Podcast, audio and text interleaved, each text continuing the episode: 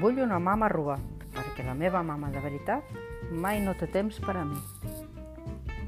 La meva mama sempre em deixa sol. Cada dia se'n va a treballar, també els dissabtes. Quan torno de l'escola trobo el plat a taula i una nota que diu sempre el mateix. Sobretot, renta't les dents, fes els deures i endreça la teva habitació. Un petó, la mama. Després de dinar, em rento les dents, endreço l'habitació, faig els deures i em quedo sola amb el gat i m'avorreixo. Per això he decidit construir-me una mama robot. La meva mama robot no anirà mai a treballar i sempre m'acompanyarà a l'escola. Els altres nens em tindran molta enveja perquè cap d'ells no té una mare robot.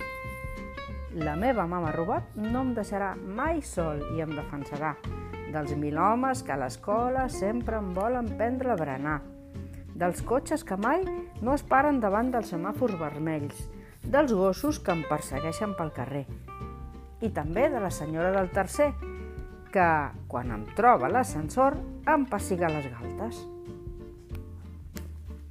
La meva mama robot cuinarà només el que m'agrada a mi.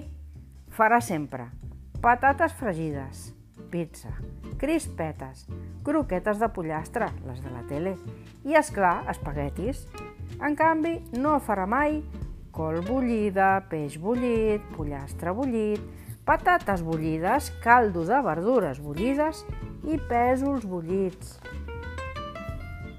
La meva mama robot també serà molt intel·ligent. Estudiarà les taules de multiplicar per mi. Dibuixarà els mapes per als meus deures de geografia, escriurà els meus treballs amb la meva lletra. La meva mama robot serà molt bona, tant com la meva mama de veritat. Més ben dit, encara més perquè sempre estarà amb mi. I no em farà rentar les dents. Em deixarà anar a dormir tard per veure les pel·lícules de por. Uh! Mai no em farà endreçar l'habitació i no m'escridassarà mai. I si m'escridassa, la pagarem al telecomandament. Per fi, la meva mama robot ja és a punt. És ben bé com la volia. Només té un defecte.